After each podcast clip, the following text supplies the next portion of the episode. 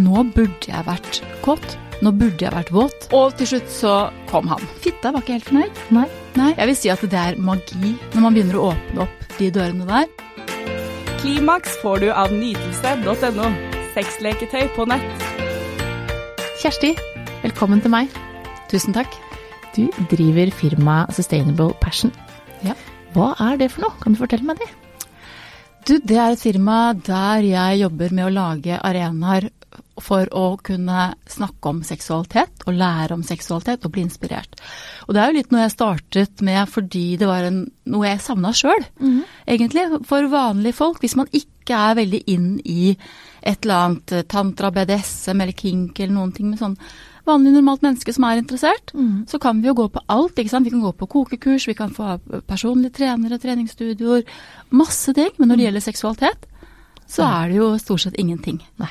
Så jeg fikk lyst til å lage arenaer for vanlige folk, da. Så der eh, har jeg, lager jeg arrangementer, Mhm. og så holder jeg foredrag for eh, elever i videregående skole gjennom Kulturelle skolesekken. Og så har jeg et prosjekt med Oslo fengsel. Ja. Og felles for alt det her, det er jo fokus på positiv seksualitet. Den seksualitetens kraft. Altså seksualitetens og, og nytelse. Det er en kraft og en verdi i seg selv. Det handler ikke bare om at vi skal fikse noen ting eller problemer eller sånne ting, men det å ha god seksualitet og godt seksualliv, og seksualitetskraft, som ikke bare handler om sex, sant? Ja, ja, ja. det er viktig i folks liv. Det er viktig for livskvaliteten vår. Så det er, handler mye om trygghet? Å finne, å finne trygghet. Trygghet og tillit til seg selv, og så, så er det å stå til hverandre og så videre. Så ja. Ja. Men hvorfor er dette så viktig for deg? Det var noe som kom eh, etter at jeg startet min egen reise. For en drøyt ti år siden så begynte jeg å utforske min egen seksualitet. Og det var jo ikke det at det var noe som var gærent, det var egentlig bare Jeg var voksen, hadde ikke barn, levde i et stabilt forhold. Og så var den tanken ja, men kanskje det er noe mere? Og det sendte meg ut på en reise hvor jeg gjorde, tok forskjellige kurs og lest bøker og forskjellige ting. Og når jeg ble tryggere og utforsket meg sjøl, så begynte jeg å snakke mer om seksualitet også. Og det jeg opplevde, det var jo det at så mange andre opplever, sikkert du også, at andre begynner å snakke til deg. Ja, Ikke sant? det er jo sånn. Ja, og det er jo fascinerende. Altså alt fra eh, folk man møter sånn ute i sosiale settinger. Jeg snakket med moren til en venninne av meg om seksualitet, sikkert ting hun ikke har snakket med noen andre om. Og det åpner seg opp, da. Det er jo nettopp sånn, fordi at når folk vet at du enten da jobber med på en eller annen jobb, eh, måte jobber med sex og samliv, så og er det så mange spørsmål som dukker opp. Og særlig i forbindelse med når folk har drukket litt alkohol, kommer det jo enda mer at man da spør spørsmål eller tør å åpne seg. Og dette er ofte ting man da ikke har snakket med noen andre om, ikke partner engang. Ikke sant. Det er jo det. Og så seinere, når jeg begynte å jobbe med det, så fikk jeg også erfaring der at f.eks. det å ha sånne workshop eller sirkler hvor vi bare snakker om seksualitet, det for andre å lytte, det at vi deler våre erfaringer, så skjønner jeg at å ja, ok, men de spørsmålene og tankene som jeg sitter med, du har jo de samme. Mine bekymringer, de deler jeg jo med andre. Det betyr at eh, det er ikke noe farlig, det er ikke noe spesielt. Så kan jeg bli litt mer trygg, og så kan jeg kanskje få trygghet til å uttrykke meg selv og, og sånt. Og så det er jo, jeg vil si at det er magi når man begynner å åpne opp de dørene der, og det er den magien som har inspirert meg til å jobbe med det her. Ja, og det er jo flott, for man, det er jo så mange der ute som kommer med masse forskjellige spørsmål, og som tenker at eh, for det, det er jo kjempebra når man faktisk tør å spørre, men hvis man ikke tør å spørre, så tror man at man er den eneste som har dette her, som man tror selv er det rare, store spørsmålet som ingen andre har. Dette her er noe bare jeg har og går og bærer på. Og så viser det seg at det er jo så mange flere som har akkurat det samme, og det er veldig normalt, og vi er egentlig ganske like. Det er akkurat det, og det er jo litt en, en sammenligning med f.eks. mat. Da, ikke sant? Vi kan jo diskutere oppskrifter, eller vi kan diskutere annen helse og sykdommer, kan vi snakke, ikke sant. Intimt, og man legger ut om behandlinger og medisiner og alt. Eller hva man liker og, og sånt noe. Men igjen, på seksualitet. Det er ikke veldig mange som snakker åpent om sine erfaringer, enten det er f.eks. typer orgasmer, eller opplevelser, følelser, utfordringer med andre. Tror du det er forskjell på kvinner og menn der? Ja, eh, det tror jeg jo. Det som de tilbakemeldingene jeg får, så er det jo ja at kvinner snakker mer, men samtidig eh, Jeg tror det er litt sånn at noen grupper, noen uh, jente venninnegjenger f.eks. snakker mer åpent. Men jeg opplever ikke at mange snakker veldig åpent der heller. At det er vanlig uh, blant verken menn eller kvinner å snakke dypt om seksualitet. Og også innafor parforholdet. Så vet vi jo, det var en undersøkelse her for et par år siden som viste at vel 25% snakket aldri eller sjelden om seksualitet med partneren sin. Og så vet man også at av de som ikke snakker om seksualitet med partneren sin, så er det bare 5% som har et godt sexliv. Og det er jo nettopp det, for når det oppstår problemer, så snakker man faktisk ikke om det. Nei. Men begge vet, og det er ikke det at man ikke vil, eh, at man ikke vil ha et godt sexliv. Men man snakker bare ikke om det, og det blir et sånt tabutema som man ikke skal ta opp, for man tenker at den andre kanskje Altså man, jeg vet ikke helt hva man tenker, men vi, vi kommer liksom ikke til at det, nå må vi sette oss ned og snakke om det her. Hvorfor er det vanskelig for så mange å prate om det? Jeg tror at det har veldig mye med at vi er ikke vant til det. så vi har ikke lært, lært oss det.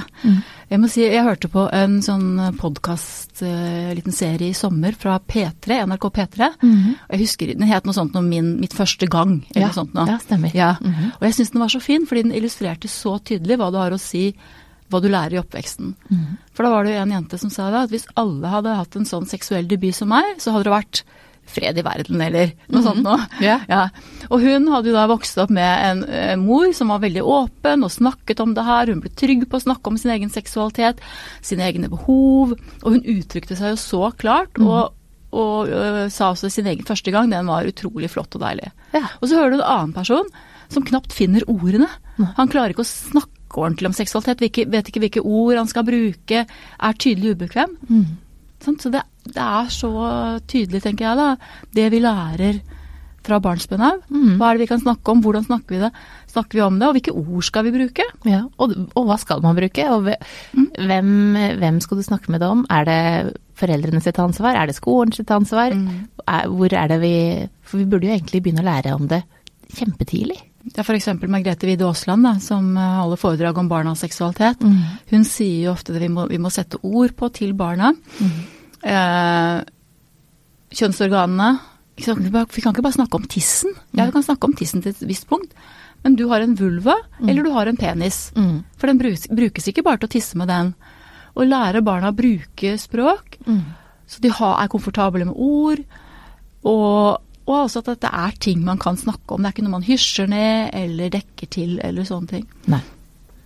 Eh, og det er jo kommer, bringer meg over på et annet, apropos det her med ord. For du har skrevet en, eh, et blogginnlegg som heter Den snakkende fitta. Ja. Hvor kom den ideen fra? ja. Den kom jo fra senga, da, for å si det sånn. Det, um, ja, du, det var en idé. Det var en litt sånn realis realisering. Og det handler jo om hvilken kontakt har vi med kroppen vår. For igjen, hva er det vi har fått med oss? Altså, noen er vant til å ha dyp kontakt med kroppen sin og kjenner hele tiden hva som skjer i kroppen. Eller hjertet, eller hodet. Og jeg har vært veldig mye et hodemenneske. Men det var altså, for å fortelle kort, da. Det var en, um, en gang for noen år siden hvor vi hadde sex med en partner, og det var helt utrolig nydelig, og vi holdt på sikkert en times tid, og det var, det var så fantastisk, og vi, det var så på kanten hele tiden. Og til slutt så kom han. Og, øh, og- da jeg hadde ikke kommet, så, men det, men det var jo ikke noe, vi hadde hatt det så fint, og jeg tenkte at hallo, det er ikke noe å være sur for nå, hva kan du forvente faktisk? eh, dette er veldig bra. Og det var hodet mitt som snakket. Og så lå jeg der og kjente etter, og han var helt blissed out. Og så um, kjente jeg etter i kroppen min at ja, men Var ikke ferdig. Nei, her var det noen Fitta var ikke helt fornøyd. Nei. Nei. Og da så sa jeg da at vet du hva, fitta mi hun er litt trist hun nå. Å, sa partneren min. da. Ja, fordi eh, for det første så hadde vi en avtale om at hvis du skulle komme, så skulle du Eller om at du egentlig ikke skulle komme. mm. Men hvis det skjedde allikevel, så skulle du si fra. Mm. Ja. Men du gjorde ingen av delene. Så nå kjenner hun seg litt trist, og også er litt usikker på om hun kan stole på pikken. Ja. For tenk hvis det er at vi kommer til sånn at det er så utrolig digg, men da må hun passe på så ikke pikken kommer. Og da må hun liksom ha kontroll igjen, da. Det klarer ikke å slappe av. Ikke sant? Ja. Så det var eh, og for meg da, det å uttrykke det på den måten, Mm. at det er kroppen min, dette føler jeg, så kan jeg koble ut hodet litt. Og bare følge kroppen. Og bare følge kroppen, istedenfor å tenke så Å ja, men øh, jeg, blir han såret nå, eller kan jeg si dette, eller ikke sant. Alle disse tingene vi har i hodet. Mm. Og det ble vel litt starten for meg til å kjenne dypere etter og faktisk snakke fra kroppen. Ja. Og jeg syns det har vært en, det er morsomt, Mm. og det er fint, og jeg kan snakke med pikken til partneren min. Ja. Hvordan har den det nå? Hva er dette her bra? Eh, og jeg kan snakke ut fra hvordan er det fitta føler det. Ja. Og da blir det, da- slipper jeg å tenke med hodet, da. Mm. Uh, nei, der, nå er det Dette er kjempegodt. Nei, her er det litt ubehagelig. Nå er det litt sår. Hva er det som skjer? Altså, det kan jeg formidle sånn veldig direkte. Ja. Mm. Og da vil jeg jo tro at man også opplever orgasme mer, for det at hodet ødelegger jo mye for orgasmen. Til veldig mange kvinner. Ja, det er det jo. Det er klart. Men det er jo eh, Jeg tenker at det handler jo om det her, det handler om å tilkoble kroppen. Mm. Jeg vet ikke hvordan det er med deg, men meg, før jeg begynte med den, min egen utforsking, mm. jeg var ikke så i kontakt med min egen kropp mm. eller min egen fitte. Mm. Nå kan jeg kjenne mer eh, den levende kraften, jeg kan kjenne pirringen, energien, Mhm. der, varmen. Eh, men tidligere så hadde jeg mindre kontakt med kroppen min, rett og slett. Mm. Og, og det er klart at det å ha å være mer til stede i kroppen er jo en forutsetning også for å få orgasme. Mm. Og det å stole på liksom, de, hva er det jeg opplever, og kunne uttrykke det. For det er jo når, når hodet kobles inn, så blir det sånn eh, eksempel at å, nå burde jeg vært kåt. Mm. Nå burde jeg vært våt. Mm. Fordi at vi er jo i en situasjon, og det er opphissende, jeg syns det er jo litt spennende og sånn. Men jeg er jo ikke det. Ikke sant? Så det å kunne legge vekk hodet, for å si det sånn, og bare uttrykke direkte det som er der, det gir jo en større trygghet. Mm. Og så skaper du jo mer tillit med partneren òg, da. At faktisk Ja, men man sier fra direkte hva er det som skjer. Så jeg tenker at det er, er grunnleggende i forhold til å kunne åpne opp for dypere nytelse. Og alt dette bunner jo ned i det her med å lære tidlig man, hvordan man prater om seksualitet. Og har du, hvis, hvis du skal komme med, hva skal vi gjøre da, for å bli bedre til å snakke om, eh, snakke om seksualitet? Altså det handler om, det bunner i både det å snakke om seksualitet, men også det å faktisk stole på kroppen sin og sine egne følelser. Så det å bekrefte barn, da, som Mm. begynner der, Mm. på følelsene deres. Hvordan kjennes dette ut for deg? Hvordan er det i kroppen? Hva er det du har lyst til? Ikke sant? Eh, Et sånn enkelt eksempel er jo det der med eh, å gi klemmer. Forventer man at barn Her kommer tante, gi henne en klem. Ja. Eller spør man barnet altså, har du lyst til å gi tante en klem. Mm. Og hvis du ikke har lyst, så er det faktisk greit. Mm. Da, da lærer man jo barnet å kjenne etter hva er det jeg har lyst til, Mm. og jeg kan handle på det, jeg kan uttrykke mine, mine ønsker, og jeg blir respektert. Så, det, så det, de to tingene går jo hånd i hånd, da, tenker jeg. Men det å faktisk um, lære seg å lytte til kroppen sin. Og det er jo også måter man kan gjøre det som voksen, altså i situasjoner gjennom Det kan være hverdagen. Mm. Stoppe opp, puste, kjenne etter. Hvor er jeg i hodet mitt nå? Hvor er jeg i hjertet mitt nå? Og hvor er jeg i kroppen? Kan jeg kjenne det fitta mi nå? Mm. Det er jo liksom bare å sjekke inn. Er til stede her og nå? Og selvfølgelig når man er seksuell eller har sex, liksom. Man må være til stede. Har jeg kontakt med meg selv nå? Mm. Hvor ofte bør vi gjøre det her i løpet av en dag? Eh, hvis, for hvis man skal lage det som en vane som du For å automatisere det, så er det noe man gjerne kan gjøre altså flere ganger i løpet av dagen, flere ganger i løpet av arbeidsdagen. Man kan sette på en sånn alarm som går av. Noen har jo sånn meditasjonsrytme sånn fem minutter hver time eller noe sånt. Mm. Men det å gjøre det flere ganger og i forskjellige settinger Ja. en dag i løpet av arbeidsdagen, en dag når du står hjemme og lager middag f.eks. På ettermiddagen på kvelden. Venne seg til å sjekke inn i seg selv. Men selvfølgelig da før man også har sex, da. Eller når man begynner å bli seksuell med en person. Ja. At Kjenne etter da, puste dypt. Hva er som er mine behov nå? Hva er det jeg eh, ønsker? Mm. Men hvordan skal vi eh, klare å få de eh, generasjonene som kommer, da, til å bli bedre enn oss til det her?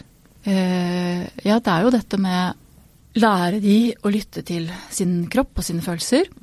Eh, Og det er jo mye fokus på det nå i forbindelse med metoo f.eks. Altså dette med å sette grenser. Men det er jo en ting Skal man kunne sette grenser, så må man også vite altså Skal jeg vite hva jeg ikke liker, så må jeg vite hva jeg liker. Så det å oppfordre også barn og ungdom til å utforske sin egen lyst og nytelse. Altså det å kunne ta på kroppen sin, det å, snakke om onani f.eks. Det er noe fint. Det er noe man kan gjøre med seg selv. Det gir gode følelser som du kan kjenne etter. Kjennes dette godt for deg? Eller er det noe du ikke liker? Fordi at skal vi kunne sette grenser og, og si hva vi ikke liker, så må vi vite litt om hva det er vi faktisk liker, da. Mm. Og også tørre å si hva man faktisk liker. At man, For det er jo også veldig mange som ikke tør. At man vet hva man liker, men tør kanskje ikke å fortelle at det her er faktisk Det her er, det her er noe jeg liker. Mm. Det er det, og, det, og det er en ting som jeg vil si, at det var partneren min som sa det så fint en gang. Han sa at det, at du er så ærlig og åpen, det er jo faktisk en gave til meg. Det For det. det betyr at da kan jeg også være så åpen og ærlig. Ikke sant? Så det er jo å skape den tilliten og tryggheten som du snakket om til å begynne med der. Mm. At du, du skal tenke på det, at hvis du er redd for å åpne opp, tør jeg dette her, tenk hvis noen blir såret. Det er faktisk en gave, din ærlighet og åpenhet, som inviterer den andre også til, um, til eh, også å kunne være ærlig og åpen. Da. Absolutt. Og det er jo så viktig, for at det, sånn som det er nå, så undersøkelser viser jo at eh, ekstremt mange, spesielt jenter, faker orgasme. Ja. Eh, og tør ikke å si at de ikke kom, fordi at de er redd for å såre partner, og de vil ikke at de skal føle seg dårlig i senga, som man kan kalle det. Eh, og faker dermed orgasme, og har ikke sjekka inn med fitta, da, for å si det sånn. Nei. Nei. Nei, ikke sant? Og tør ikke uttrykke eh, sine behov heller. Nei. Og det er eh, Det er jo en forferdelig trend, rett og slett. Eh, og det er jo veldig mange grunner til at det gjøres også, men det, jeg tenker det er jo noe med dette prestasjonsfokuset i samfunnet i dag, og i forhold til seksualitet også. At vi skal prestere. Det er veldig fokus på ja, hvordan får du orgasmer, hvordan får du sterkere orgasmer, og hvordan får du multiorgasmer, og, ikke sant? Og det kan være kjempefint, men så er det jo også mange av oss som sliter med å få én orgasme. Og av og til så kan det være Man kan ha helt nydelig, fantastisk sex uten å ha orgasme også. Så det er veldig mange muligheter der. og og det tror jeg gjelder både, både menn og kvinner, da, gutter og jenter. For det er jo selvfølgelig også Det finnes jo også gutter som faker, faker orgasme. og det er ikke så jo, mange som vet, men det er faktisk sånn. Ikke sant? Og, og det er jo stort prestasjonspress begge veier. Mm. Det er også veldig mange gutter som eh, sliter med altså at de ikke får ereksjon fordi at det er såpass mye press. og eh, de stresser såpass mye med det, at de, og det er yngre og yngre aldersgrupper Ja. som faktisk opplever det. Ja. Så eh, hva er det som gjør at vi blir sånn? Er det kroppspress? Er det for mye press generelt? At det, alle skal prestere og være gode og se bra ut og være best? Er det det som gjør at vi blir sånn? Det er veldig mange gode spørsmål.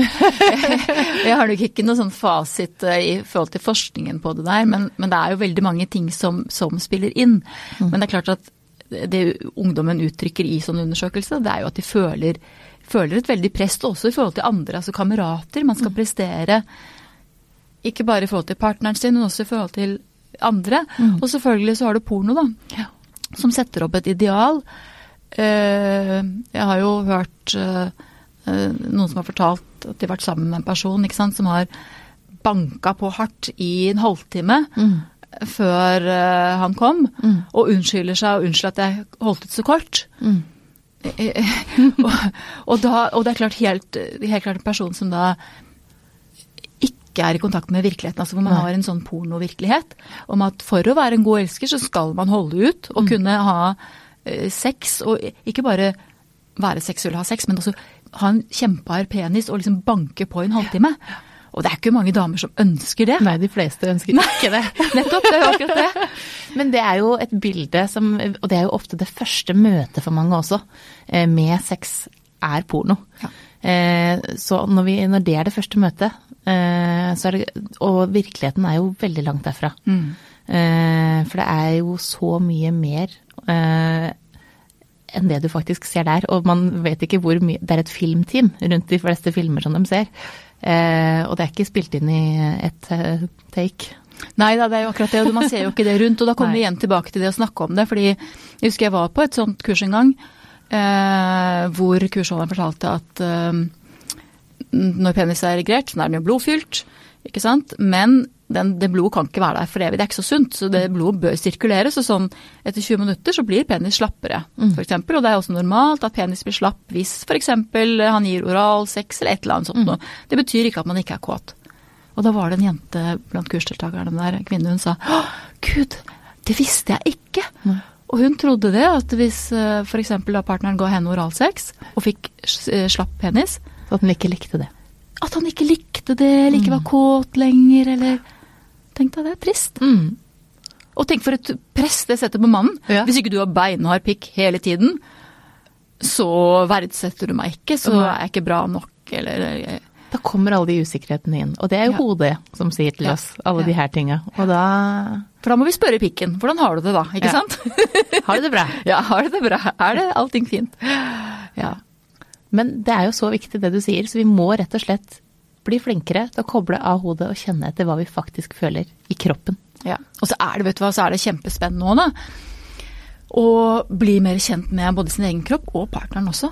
Hvordan var, når vi har hatt sex nå, hvordan var dette her for deg? Når, når, når f.eks. Eh, vi hadde den stillingen, hvordan opplevdes det? For da opplevdes det sånn for fitta mi. Hvordan opplevde eh, pikken det? Og det å høre den andre sette ord på det, det er kjempespennende og interessant. For det er jo ikke sånn at det er likt, ikke sant? Nei, nei, nei. Og det er jo forskjellig fra gang til gang òg. Ja, det er jo det. Og- Og det er jo det vi kanskje er litt sånn vi ødelegger med nå, da, er at man veldig ofte har man jo sett kjønnsorganene til hverandre før man nesten har møttes, stort sett. Ja. Eh, fordi at man har sendt bilder og mottatt bilder. Eh, men man har kanskje ikke turt å si så mye hva man faktisk liker og hva faktisk må til. Eh, eller når man møtes da, heller ikke da tør å ta den praten rett etterpå. For det er kanskje noe som kjenner var rart. Kom det en rar lyd? Kom, Ja. Altså alt som kan skje. Alt som, som ikke kan skje, men som skjer. Mm, mm. Som man, som man syns er flaut eller ubehagelig, eller som ikke var sånn som man hadde trodd. Ja. Så tør vi ikke å snakke om det, og kanskje bare snakker om andre ting isteden, og begynner å gjøre andre ting. Og det er jo også igjen den derre at altså, den første gang man har sex med en ny partner, det er jo, det er jo aldri stort sett spesielt fantastisk. Og det er jo i forhold til all statistikk og undersøkelser. Fordi man ikke kjenner hverandres kropper, og fordi man ikke kommuniserer og sånt noe. Men det er jo liksom da man skal prestere, og det er da alt skal skje, og Det er nå du skal vise hva du er god for. Ja, ikke sant? Mm. Uten For da skal man tankelese hverandre, da. Ja, og det er det jo veldig få som kan. Det er veldig få som kan det. Så begynn å snakke om det før første daten. Så har du åpna en dør, Mm. og gjør det mye lettere å ta det opp igjen. Begynn så tidlig som mulig. Ja. Men du, over til en annen ting.